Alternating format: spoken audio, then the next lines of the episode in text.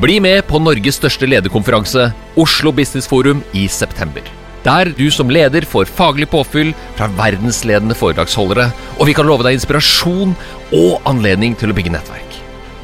Klikk deg inn på obforum.com for mer informasjon og sikre deg din billett i dag. Some of the best speakers in the world. The purpose of business is not to maximize shareholder value. Whoever told you that, shoot them. It brings together so many people and creates this high energy environment. Powerful speakers, powerful audience. Dagens episode av OBF-podden skal ta for seg de to største endringene i forretningsverden, intet mindre. Den ene har du hørt mye om og er vanskelig å definere, men det er klima- og miljøutviklingen i verden. Og den andre, litt vanskelig å få øye på, men du har hørt like mye om den, det er den digitaliseringen og framveksten av kunstig intelligens og alt det som det medfører. Og sammen med meg her så har jeg Eirik Stranden, CEO i 24-7 Office. Velkommen. Tusen takk for det. Og den tidligere sjefen hans, Gustav Gottenberg, managing director og senior partner i BCG. Velkommen. Takk, takk.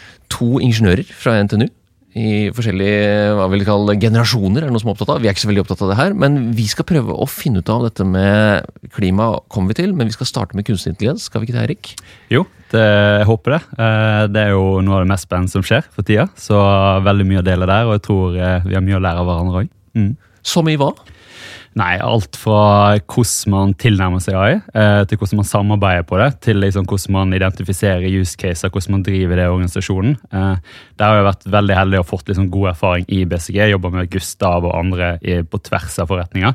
Og da ser man liksom, Når man da kommer litt mer ut i industrien, inn i 24-7 Office, så ser man liksom det samme potensialet, eh, og, men òg liksom mange andre muligheter for hvordan man kan eie prosessene liksom fra A til Å. Nå får man faktisk lov å være med og bestemme liksom hva man skal prioritere, og ikke helt som avhengig av andre eksterne stakeholders. Da. Ja, før vi går i gang, da, det er bare litt sånn nysgjerrig, Hvordan er den overgangen for deg, Erik? Og så gå fra å være med det konsulent- og overordna perspektivet til å plutselig sitte ned i bokstavelig talt purra med 50 000 masende kunder og, og ambisjoner som dere jo har i 24-7 Office om å Ja. bli en ledende aktør. Hvordan er det? Ja.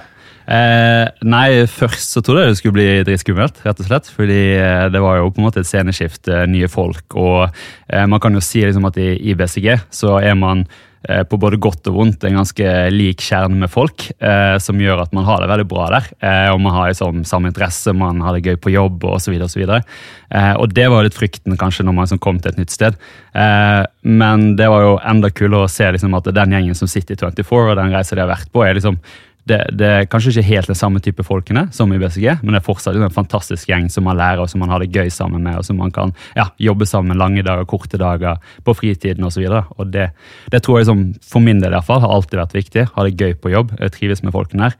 Eh, og det er liksom, ja, en god følelse og et smil om munnen når man legger seg når, når man ser det på, på, i 24. Du, mulig du syns det er litt kleint, men det sies jo om deg at du er et sånt superledertalent. Har du fått med deg? Sånn eh, led, leder to be watched under 30. Hvordan, eh, hvordan er det? Eh, ja, nei, jeg jeg, har ikke hørt det så mange ganger, men eh, hvis, hvis jeg har lyst til å gå litt inn på det, så Det er stas, da. Det er jo hyggelig. Ja, nei, det, det er jo ikke på en måte noe som er liksom, en en motivasjonsfaktor i seg selv, eh, men det er jo fantastisk gøy. Altså, Jeg sitter liksom og reflekterer over hvor heldig man er, eh, og hvor mange liksom Ja, du må legge inn ganske mye hardt arbeid på veien, eh, men de liksom, tilfeldighetene som gjør liksom, at oi, her kom du inn i liksom, BCG-sporet, jobber med liksom, fantastiske partnere og kunder, eh, og så møter du liksom, en tidligere founder eh, på en nattklubb på 17. mai-feiring i New York. Ikke at vi skal gå så mye inn i detaljer på der. Eh, men Nå så, begynner det å bli interessant. ja. det kan vi ta liksom en nattlig versjon av den podkasten. Eh, men liksom inn til, inn til 24, da, og lære liksom både av de gründerne som har vært der på hele reisa liksom fra 2000-tallet. Eh, liksom eh, Jobba head on head med Visma liksom fra starten eh, til noe liksom internasjonal ekspansjon. ikke sant? Der vi er liksom i Norge, Sverige, bygd et supergodt fundament med liksom titusenvis av kunder. Eh, og mer blir det på en måte både liksom når vi satser større, entreprisesatsing, eh, og liksom komplementerer produkttilbudet vårt. da. Eh, og Ikke for å liksom gå for mye inn i detaljer der, men det som er kult er at liksom 24 har jo tidligere vært liksom den core regnskap, ERP, eh, liksom softwaren og tilbyderen. Eh, nå blir vi jo mer liksom, igjen litt mer sånn som, som BCG har vært. ikke sant? Vi skal være en rådgiver, og vi skal liksom eh, enable kundene våre til òg å bli rådgiver for deres kunder. da. Eh, og da ser vi liksom, ok, Du kan ikke bare ha en sånn core regnskapssoftware i bunn, du må liksom knytte dette sammen. ikke sant? Så Derfor kobler vi på AI-teknologi. Eh, vi kobler på liksom HR, vi kjører lønnssystem. Eh, vi liksom legger på alle disse ekstra satsingene, sånn at eh, våre kunder kan hjelpe å få et helhetlig bilde av deres kunder igjen. da. Mm. Fantastisk. Hør her, Gustav. Dette er jo en company man for en transformasjon. Det er jo gøy å høre på. Det er kjempegøy. og først og fremst, Jeg blir jo utrolig stolt av den reisen eh, du har fått til. Lite tilbakeblikk i BCG-verden, så var jo Erik en av de som virkelig fikk til både dette med kunstig intelligens data, men også eh, det å virkelig treffe på eh, forretningsforståelse. Og nå legge på da lederegenskaper på toppen av det i tillegg. Det er en ganske fin reise. Så vi er jo utrolig stolt av det du har fått til, og det dere får til nå. Så dette er jo kanskje en av også våre funksjoner i livet. Å gjøre litt mer enn bare konsulenttjenester, men også eh, bringe opp litt talent. Det er eh, det sånn sett. vakre med å bli eldre, vet du, Gustav. Og, det, det er et sånt hint for at vi, vi har jo levd litt lenger Eirik, ikke at det ikke skal være noe poeng i det, men du fortalte meg i, i forkant av denne sendingen at, at dette har jo vært en, dette er jo en utvikling over tid. Og at ting tar tid, og at det er en, denne digitaliseringen, som er en nødvendig utvikling av forretningsutvikling, som du sa selv, startet kanskje på 50-60-tallet. Du beskrev det også i, i slags bølger. Ja, og jeg syns dette er en litt interessant diskusjon. Eh, Allerede når vi gikk på skolen, i den eh, tid det var, så var jo teknologi godt etablert, og alt rundt eh, digitalt kalte vi noe helt annet den gangen. Men dette har jo pågått i veldig, veldig lang tid. Og mm, banker tilbake fra 60-tallet eller til og med før har jobbet med dette. Men hele den første bølgen, som kanskje har vart inntil også vårt ja, forrige årtid, det var rundt å sette strøm på gamle prosesser, gamle papirmåter å jobbe på. eh, Hjelpe menneskene å gjøre det litt bedre med ny- nye digitale verktøy. Men det var, med noen hederlige unntak, veldig få ordentlige forandringer av måten man løser oppgaver på, eller samfunnet organiserer seg rundt det. Med databruk og AI så tror jo vi at vi eh, nå kommer inn i en ny bølge, hvor man faktisk forandrer måten tjenester ytes på, hvilke produkter eh, konsumentene eh, ønsker, og hvordan man også løser forretningsoppgaver på en helt annen måte. Og Det er da morsomt med regnskap i seg selv, som er enormt datarikt som et startpunkt, Jeg har vært i den gamle verden. Og så hører jeg ut fra det de sier, at man nå begynner å bevege seg videre i den nye verden. Og Dette her blir jo en fantastisk reise å følge med på. Men er vi i gang i den bølgen? Jeg slipper deg inn, Erik. Men, Eller kommer den? Vi har Ja, hørt om disse user-casene i så mange år, og det er så mange eksempler på at oi, de har gjort ditt, og de har robotisert et, og denne bilen kjører av seg selv, og det er ikke måte på hva du kan bruke AI til. Men det har jo egentlig ikke blitt en stor spredning, en stor samfunnstransformasjon av det ennå. Hvis jeg tar det på to nivåer, da. det ene er jo innad i bedriftene. Så har man jo jobbet veldig mye med use caser og enkelteksempler på ting som fungerer. Men det å skalere det, det å gjøre det industrielt, sette opp på ordentlig måte, eh, bygge de eh, riktige eh, arbeidsmåtene med mennesker, men også infrastruktur internt, har vært veldig krevende for mange bedrifter. Og vi tror det er noe som begynner å komme, og vi ser de beste selskapene begynner å få til dette. Og på et samfunnsnivå så snakker vi jo veldig ofte om S-kurver. Og um, ser man litt tilbake, så snakket vi om de samme skrekkscenarioene for 10 år siden, og 15 år siden og 20 år siden, uten at det har materialisert seg bredt i samfunnet. Forklar en ikke-BCG-konsulent en S-kurve, Gustav. Ja, en S-kurve. Det ser ut som en S. Den er ganske flat på starten. Så er den veldig rett i en periode, og så flater den ut igjen etterpå. Men eh, det med den S-kurven er at eh, all teknologi følger denne type utvikling. Eh, man sliter til å begynne med med å få teknologien til å virke og få folk til å bruke det. Når det får, så først kommer, og man virkelig treffer, så akselererer det mye fortere, og adopsjonen går veldig fort. Og så er, eh, vil jo disse kurvene stort sett gå såpass høyt at det erstatter eksisterende måter å jobbe på. Og vi opplever jo at i en del industrier så begynner vi å komme på den bratte delen av den S-kurven. Og at det nå vil skje store forandringer i de industriene. Um, og forandre hvilke bedrifter som eksisterer, eh, hvilke jobber som er viktige, eh, hvordan det er. Men det vil ikke skje samtidig i alle industrier. Og derfor vil vi se at det drar nok litt ut i tid, for det har gått gjennom hele samfunnet. Men jeg tror en del steder så vil det skje ganske fort.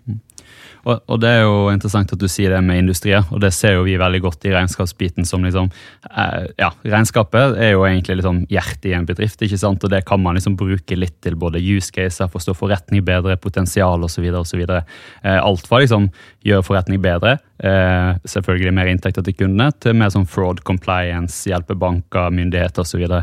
Men liksom en interessant ting er jo den industribiten, der vi f.eks. ser liksom for tech og finansbiten, så, og så ser vi liksom fakturahåndtering, liksom de use casene vi har der, som nå virkelig liksom tar fart.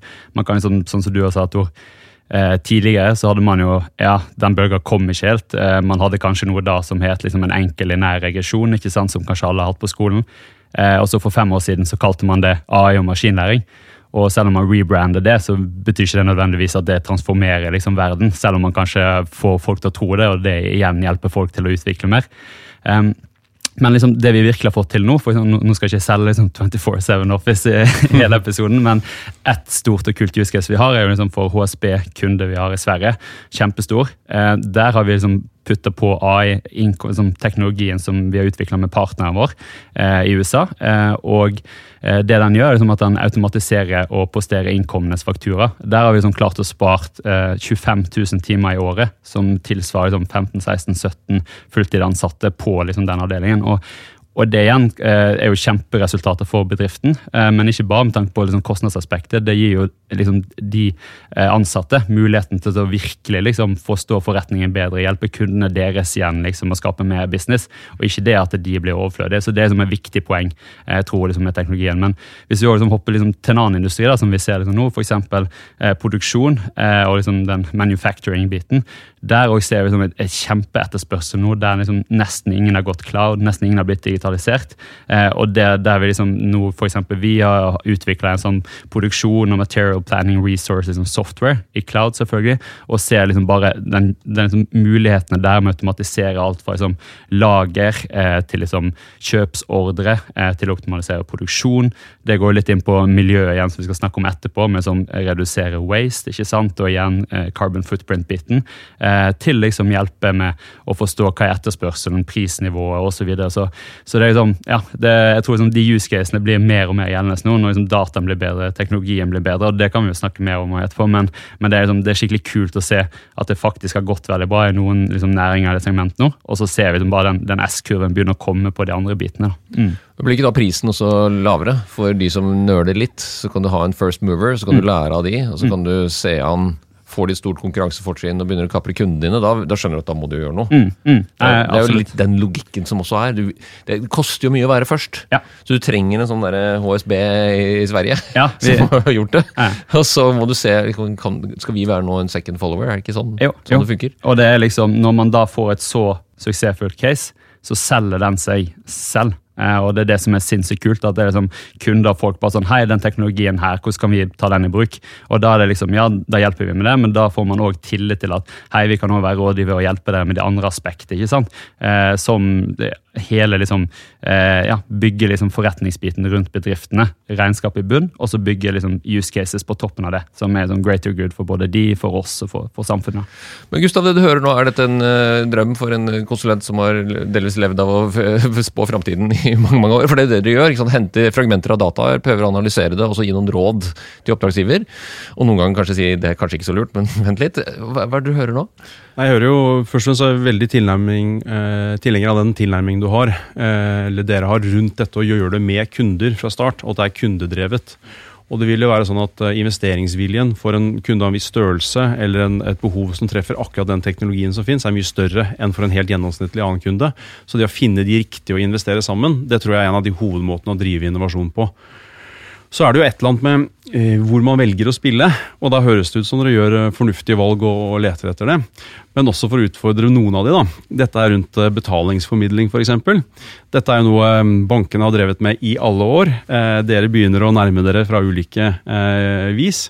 Og det er litt påfallende at det beste denne industrien i Norge har kommet opp med, er e-faktura eller at du får en faktura på e-post du klipper og limer inn i eh, en applikasjon, er ikke kjempeimponerende.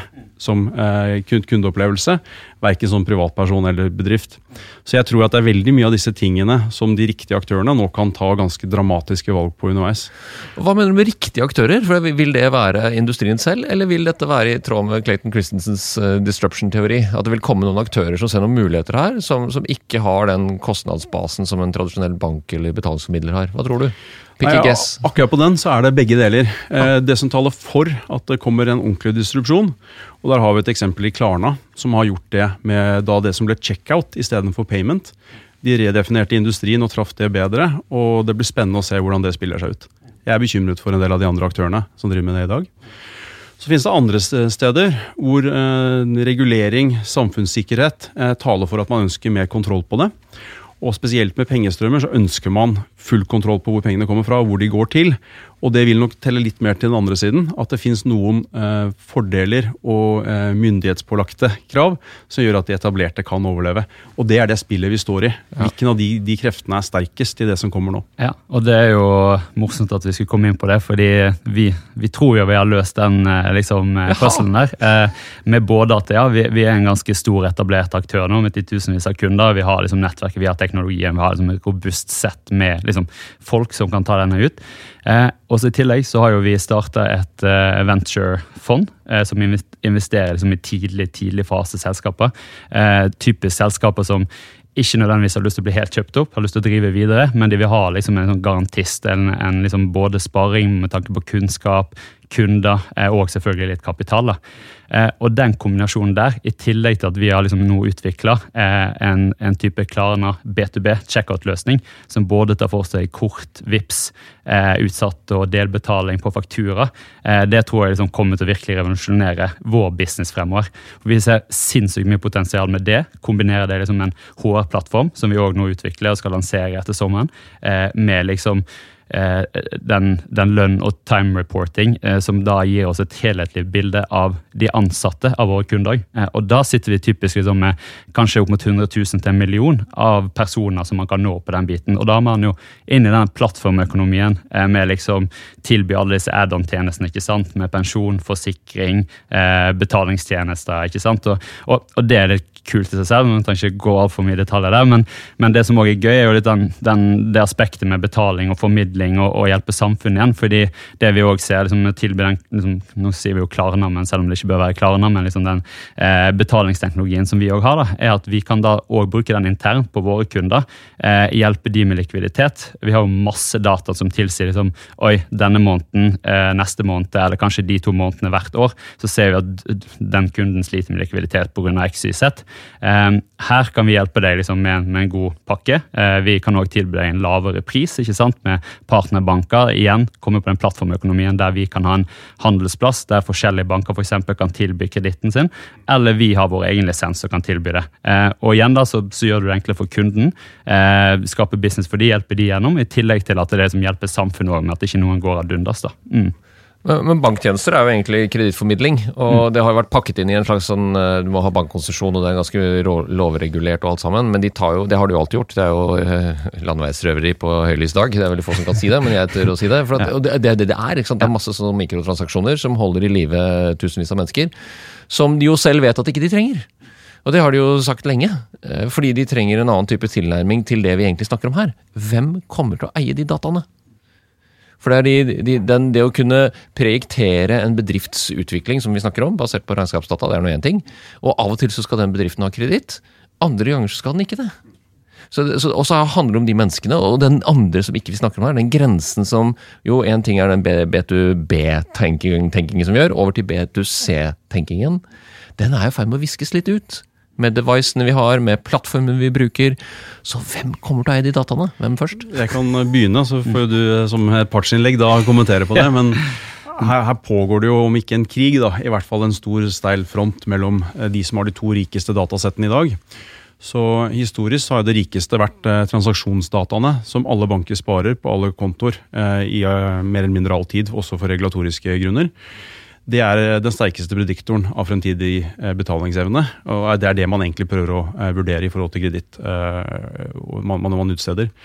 Så finnes det jo et rikere datasett enn det, som er det, det dere sitter på, som er alle ERP-dataene, hvis man først har det for kunden. bankdataene er alltid komplette. Det er ikke alltid ERP-dataene, og dette står litt mot hverandre. sånn sett. Beveger de seg mot hverandre på noe vis? Er de i ferd med å merge på noe vis? Eller er de ikke det? Vil de for alltid være litt separate? Det har vært et stort fenomen rundt eh, noe som heter open banking. Som var dette med API-er eh, inn til bankene og mellom da ERP-leverandører blir jo ble jo tvunget til det, i hvert fall sånn motvillig delvis. eh, Ja, og så spilte ikke det seg helt ut sånn som man trodde, regulatorisk. Men når bankene først begynte å se etter hva de hadde gjort av integrasjoner i forbindelse med at de, de begynte å tenke rundt open banking, så, så så de at det var veldig mye allerede. Så uavhengig av regulering så hadde mye av det spilt seg ut, bare på en litt annen måte.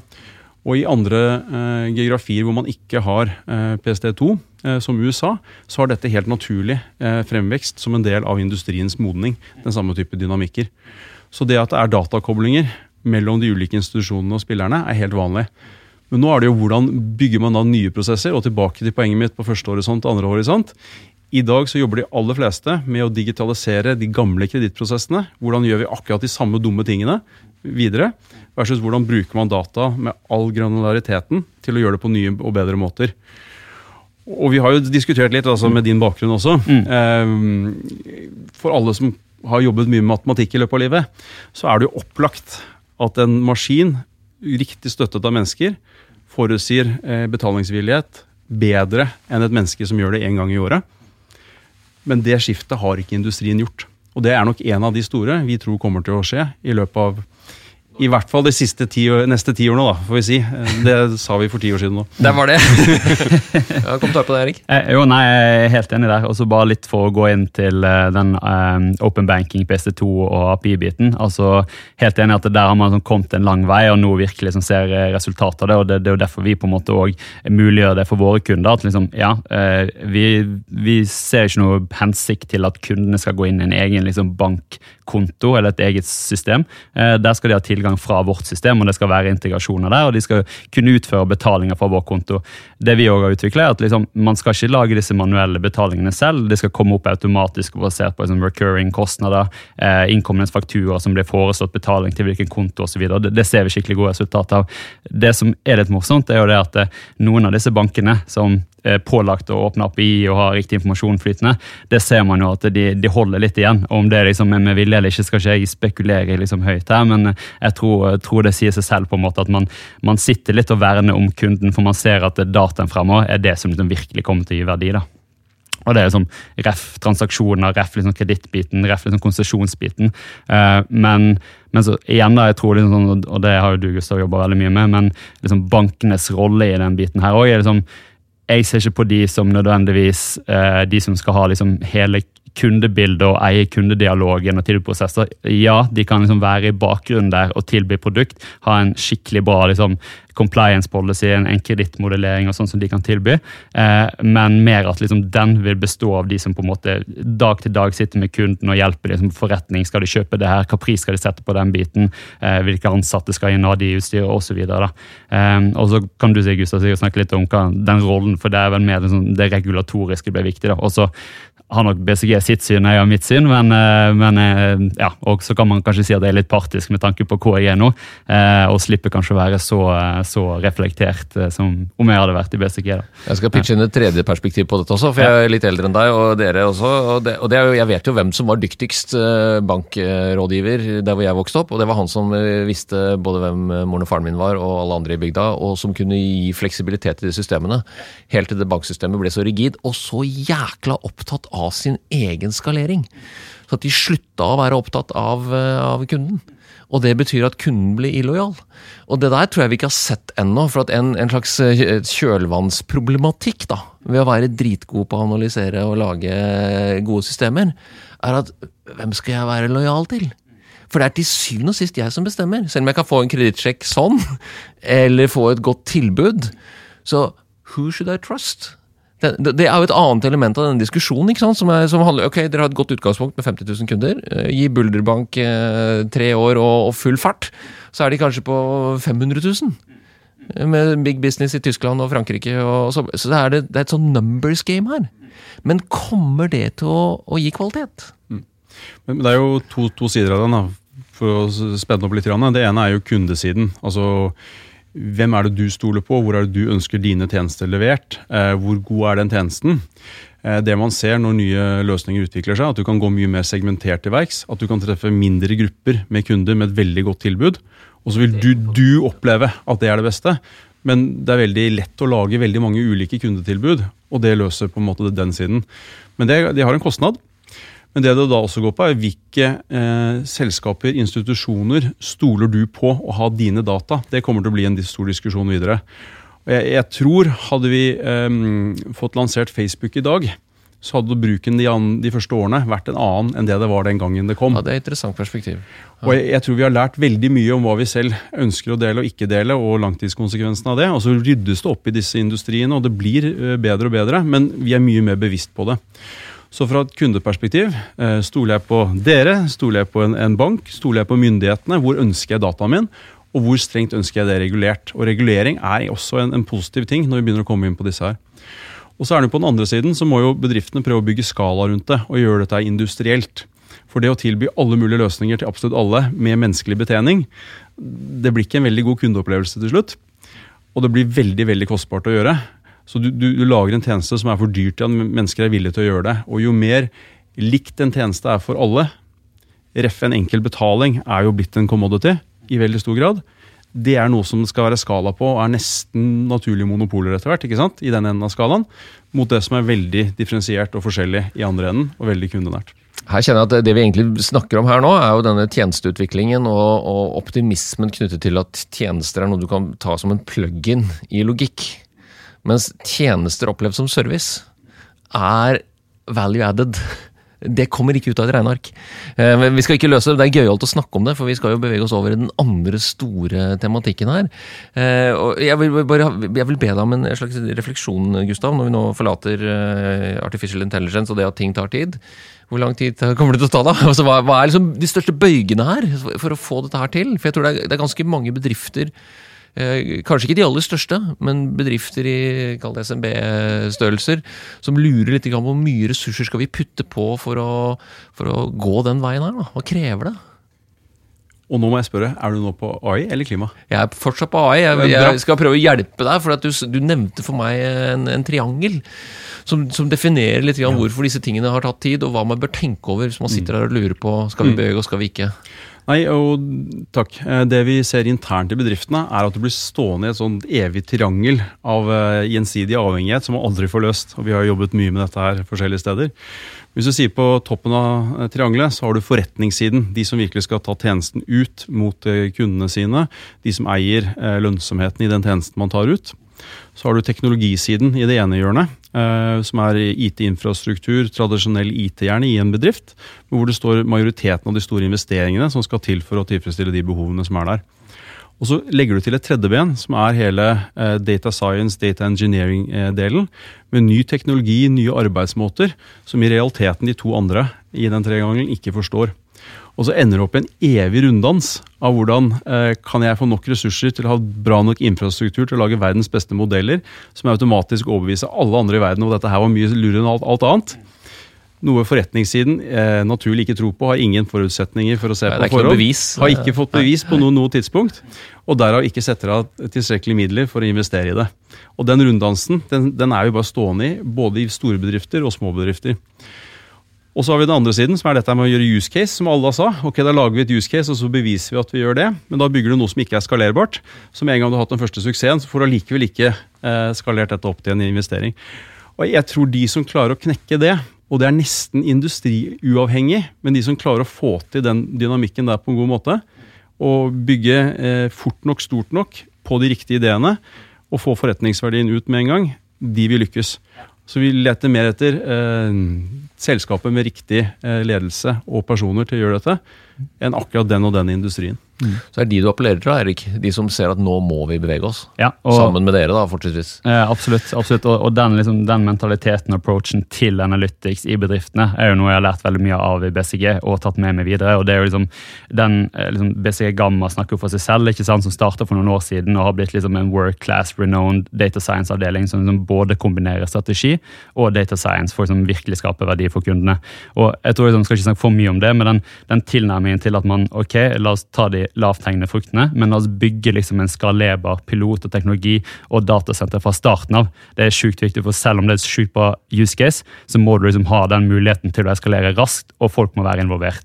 Og det er sånn, jeg tror liksom, to siste punktene som jeg syns er liksom superviktige der, og som jeg, ser på som viktig fremover, det er jo det, liksom den interne capabilityen med å ha liksom analytics-ressurser hos seg. At man ikke er liksom avhengig av en ekstern aktør der. Det tror jeg vi har sett liksom, når jeg var i BCG, så var det mer og mer trend at de ressursene måtte man ha in-house. Eh, og, og liksom, den andre biten, tror jeg, det er liksom det at liksom, verden går litt mer liksom, sånn open source. ikke sant? Tidligere på første bølge og sånn, så var det veldig vanskelig å dele informasjon. Nå er det liksom tilgjengelig for alle. Alle kan være med å bidra. og selvfølgelig så ser man jo noen aktører som igjen går litt mer eh, andre veien og har lyst til å patentere og liksom, ta, tjene penger på selve koden òg, men jeg tror liksom, overordna så jobber man litt mot en greater good, og det, og det er spesielt liksom, gjelder innenfor den data science-biten. Mm. Bare morsom analogi, da. Eh, Det er jo mer og mer vanlig nå å ha chief data officers i et selskap, som til og med kanskje rapporterer til toppledelsen. Før det så har vi chief eh, digital officer, som rapporterte til toppledelsen. Så hadde jeg en klient en gang som sa at men husk det, Gustav, at når jeg begynte å jobbe, så hadde vi en chief electricity officer. Ja, Det beveger seg framover.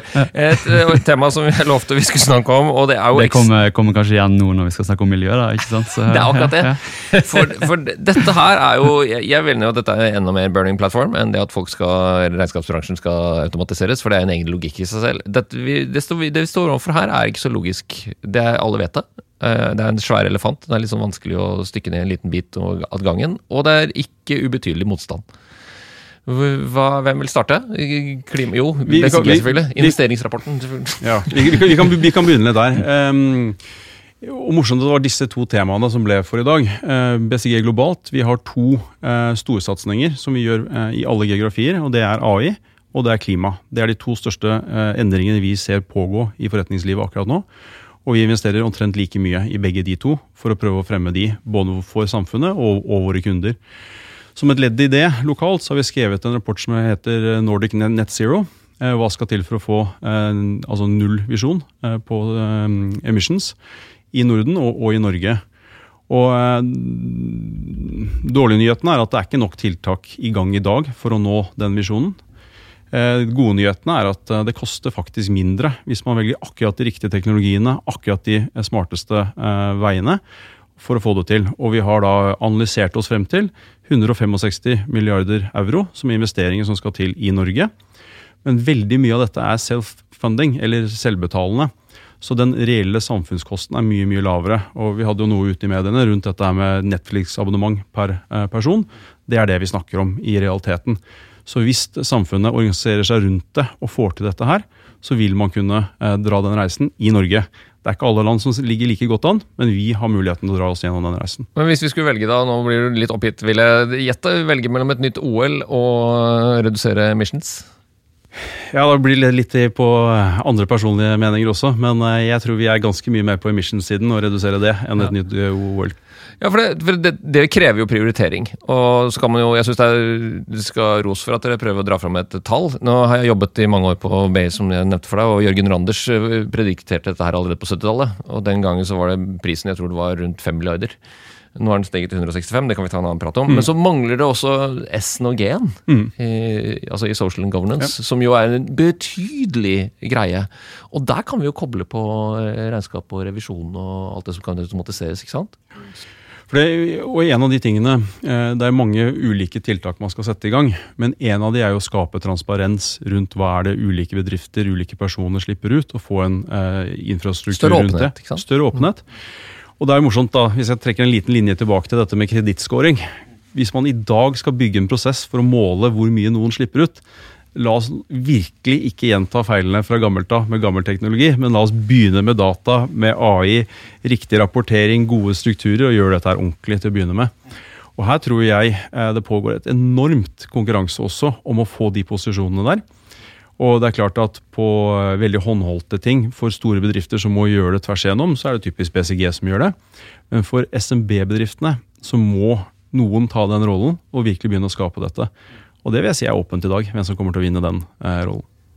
Ja, jeg vet du, brenner inne med det, men jeg må jo spørre deg også, for at en stor del av utslippene foregår jo på byggeplasser og helt sånn vanlige business-ting vi gjør. altså Produksjon og transport og alle disse tingene. Og de dataene er jo mulig å fange. Mm. Og de må jo inn i regnskapene. De, de er der, vet du. Så, og de er på vei. Og, og, og det er liksom akkurat det Gustav sier, på en måte, at liksom det, det, det konkurransebildet nå ser vi at blir veldig crowded. ikke sant? Vi ser aktører, både liksom konsulentselskap, eh, softwaretilbydere og sånt. Alt går inn i den biten for å liksom tilby eh, ja, gjennomsiktighet. Eh, eh, liksom tips og forslag til hvordan du skal redusere det, og liksom benchmarking også, for hva bør du egentlig ligge på. Eh, og der tror jeg liksom igjen, da, som regnskapsbransje, eh, B2B, der sitter vi på både liksom de største utslippene eh, og mest av dataen. da. Eh, og Det er jo akkurat derfor vi på en måte liksom, allerede, ja, om det var i fjor eller året før, før jeg kom til, til 24, så startet man med den ideen om hvordan man skulle lage det, eh, liksom plattformen for å både måle, fange utslippene på de forskjellige scopene som da er definert selvfølgelig hos, hos EU, eh, og, og eh, hvordan man skal liksom komme med liksom, faktiske, målbare forslag til å redusere. Og in the end også, så Vi har jo lyst til å lage business av dette. her, så hvis vi har 50 000 kunder, og etter hvert så kanskje blir det 500 000, kanskje enda flere, dess, dess mer sånn global footprint vi får. I USA så er sånn, markedet for våre bedrifter er liksom to millioner, ikke sant? så det er uendelig mye, og der er vi på, på god vei. Og spesielt innenfor den liksom, material planning og research planning software-biten. Eh, men, men igjen da, liksom, å lage en sånn en, en handelsplass for kvoter, f.eks. Eller en mulighet liksom, Selvfølgelig, disse forslagene burde jo for mest effektivt gå ned til null, eller slippe ut mindre. Men liksom de gjenværende som det kanskje er vanskelig, som er kritisk for business, hvordan skal du liksom offsette de? Der kan da komme inn liksom noen som er veldig liksom, negativ på carbon outslip, og, og omvendt. ikke sant da? Og, og litt for å støtte noe av det du sier der, så er det jo det er veldig eh, lett hvis alle bare ønsker å komme seg ut av det som er brun industri, da, for å generalisere veldig, og prøve å fokusere på bare drive med grønne eh, ting. Problemet for verden er at vi er helt avhengig av brune industrier for å fø den befolkningen vi har, for å drive de samfunnene vi har. Så noen må drive med det brune også. Og de virkelig store løftene er jo på å hjelpe eh, veldig brune industrier å ta de investeringene, finne den riktige teknologien og få eh, forandre disse over tid. Og her finnes det liksom i utlandet eh, kull og helt andre ting som ikke vi ønsker å ta i en gang i Norge. ikke sant? Men, men den type ting som skal eh, gjøres. I Norge så vil jo dette også spille seg ut da kanskje nesten mer på eh, SMB-nivå enn noe annet. Og Her har vi en utfordring at de verken har nødvendigvis kunnskapen, har muligheten til å investere i av folk som kan om dette. Eh, mange av de sliter jo litt økonomisk også. Så det å finansiere og hjelpe de med ordninger, både eh, for å ta ned kredittrisikoen i det man gjør, men også hvilke myndighetsordninger, er noe det må jobbes ganske mye med. Ja, og Der spiller jo bankene og kredittilbyderne en rolle. for Kan de få enda bedre margin på det som man kaller grønne obligasjoner eller grønne lån, så vil det være mer attraktivt å dokumentere det. Mm. Og Men Der kommer de- igjen regnskapet inn i bildet. ikke? Så sitter med den dataen, som da kan bruke flere banker som en handelsplass, tilbydere på en bedre rente. ikke sant? Som igjen da gjør at vi eier kundebildet, og ikke bankene. Så det blir bank. Jeg skjønner jo det. Eller. Eller kredittilgivning. Eller det kan være i kjede sammen med de andre kundene, f.eks. At de ser For det er jo også i ferd med å Sånn crowdlending fins jo på B2C-siden.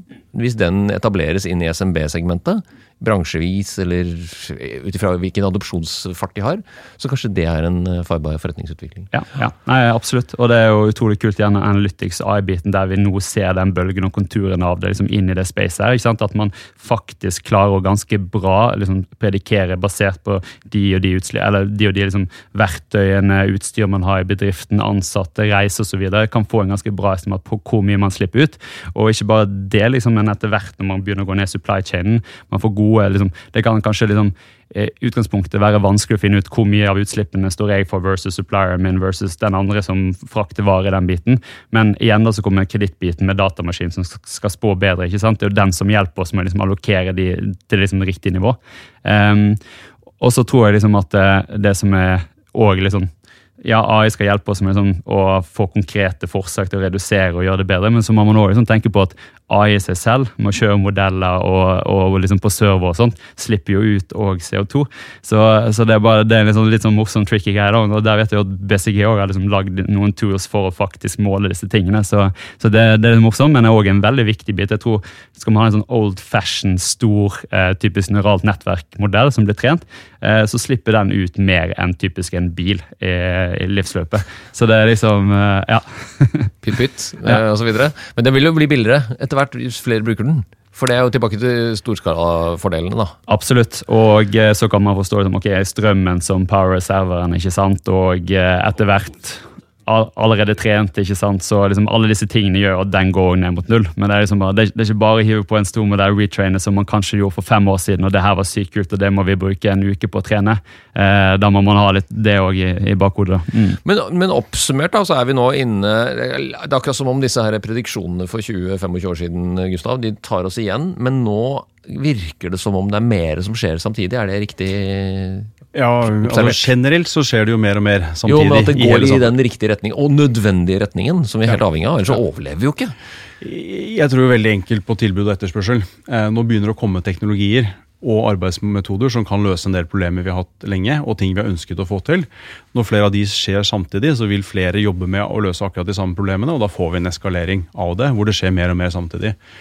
Og jeg opplever jo at eh, på, Hvis jeg tar klima først, eh, den interessen som finnes rundt det, den transparensen som begynner å komme rundt en del av aktørene, eh, det at man begynner å bli veldig konkret på hvilke, initiativer, teknologier, tiltak kan man sette i gang for å få det til, til å begynne å skje, det er på et helt annet nivå enn det var, var før.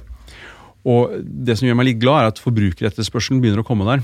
Og Det gjør at du kan begynne å sette en pris på det. For Hvis noen ber om at det er dokumentert grønt det man kjøper, så har du motivasjonen for å drive det gjennom verdikjeden bakover. Så her opplever jeg at det- er det. Men så er det noen store verdensproblemer vi ikke har løst for å få det net zero, bare for å si det helt tydelig. Og øhm, Noen av de det kommer nok til å ta litt lengre tid eh, før vi var på plass, men vitsen er å begynne med de vi kan løse. Og Hvis vi da tar det litt tilbake til AI-siden, så er det jo flere og flere steder vi plugger det inn. Eh, Det er jo flere og flere som begynner å se eh, mulighetene eh, til det. Og det vi ser er at når dataflyts stemmer, riktig bruk av analytics, eller AI, og man klarer å finne riktige brukeropplevelser rundt det, så er det en bedre tjeneste enn den gamle tjenesten den erstatter, eller det gamle systemet det erstatter. Og det vil bare skje mer og mer. Så eh, For våre største kunder, som er dataintensive, så sitter vi egentlig med et målbilde på hva skal skje i løpet av de neste fem årene hvis man er aggressiv, og ti årene hvis man er litt mer konservativ. Hvor svaret egentlig er gitt. Det er bare hvordan skal vi klare å komme oss gjennom de ulike stegene og bære minst mulig teknologirisiko mens vi eh, gjør det. det. Er der vi føler vi er, er nå. Men på den helt andre siden av skalaen så finnes det nok av mennesker og bedrifter som ikke tenker på klima, ikke tenker på AI, og har mer enn nok med seg selv hver eneste dag. Og Der tror jeg vi har en samfunnsutfordring i å få løfte de med, og også få de med på å, å begynne å se hva de skal gjøre i fremtiden. Ja, Innen den transformasjonen. Ja. Eh, Kommentar på dette her. Veldig klok oppsummering. Jeg slipper jeg å oppsummere, det er helt supert. Nei, eh, som alltid så pleier det å være relativt fornuftig det, det Gustav sier. Så pleier jeg å være ganske aleine. Men eh, nei, jeg er veldig enig der, og jeg tror liksom sånn eh, vi, må liksom, vi må ta de store chunksene som vi kan ta, og vi må prioritere de som er liksom enklest å ta i starten. Og at man har liksom en mindset at nei, man skal avslutte alt, liksom, at man skal gå bort fra det liksom, fra brun, industri og den biten. Det, liksom, det mindsettet der har aldri fungert på noen som helst måte, eh, men man må liksom bare sånn, man må ta de vinstene man kan ta, og så gradvis kommer man seg til riktig side. Det, liksom, det finnes ikke noe annet eh, måte å gjøre det på, tenker jeg. Og så tror jeg som, Hvis man snakker liksom om ja, noen industrier er avhengig av det, liksom, andre steder i verden så er man avhengig av energi ikke sant, for å overleve. Da er det liksom også litt opp til oss at vi kan hjelpe de, ikke sant? Og hva, hva kan vi gjøre, f.eks. i 24? Jo, vi kan liksom skape et skikkelig så unnskyld språket, et jævlig bra digitalt produkt som kan liksom automatisere og digitalisere deres verden. Hjelpe de òg med utslippsredusering. Tiltak, eh, hjelper de å liksom få et bedre bilde av forretningen sin, leverandører, liksom at det blir mer den S-en og G-en òg i businessen sin. Eh, og Der tror jeg vi er på vei, og der har vi òg masse spennende samarbeidspartnere i liksom typisk emerging markets. Liksom, vi har, eh, trenger ikke gå for mye detaljer på det, men i styret vårt så sitter det òg noen som sitter i styret på f.eks. Spenn, som er en sånn type mobil betalingsløsning eh, for eh, ja, emerging markets i Afrika og Asia. Og koble den da på liksom finansiering, compliance-biten og etter hvert liksom miljø, produksjon og sånn, det, liksom, det tror jeg er løsningen. Vi, vi tar ikke det neste år, liksom. Vi må, vi må bygge litt mer business her i, Norden og USA, core markets, men eh, det er liksom, litt sånn spennende punkt å, å jakte etter da, fremover. Mm. Jeg skal takke dere begge to for strålende levert, og for deg som hører på, som trodde kanskje dette ble litt sånn ja, litt opptatt av øh, ja, BCG-konsulentperspektivet. For det er to sivilingeniører som har snakket veldig mye business her. Jeg vet ikke om dere hørte det? Det er som rett fra pensumet som som jeg har undervist i årevis. Så jeg er veldig glad for det. For det er verdiøkning for, for folket og for alle sammen. Og vi er helt avhengig av det. Og den transparensen som vi snakker om, med konkurranse, det representerer dere begge to. Tusen takk for det. Fortsett sånn. Og tusen takk for praten. Ja, Veldig hyggelig. Tusen takk. Hvis du likte denne podkasten, hadde vi satt utrolig stor pris på om du abonnerte og gir oss en tilbakemelding i avspilleren. Wrestlers used to be traditional. Some of the best speakers in the world. The purpose of business is not to maximize shareholder value. Whoever told you that shoot them. It brings together so many people and creates this high energy environment. Powerful speakers, powerful audience.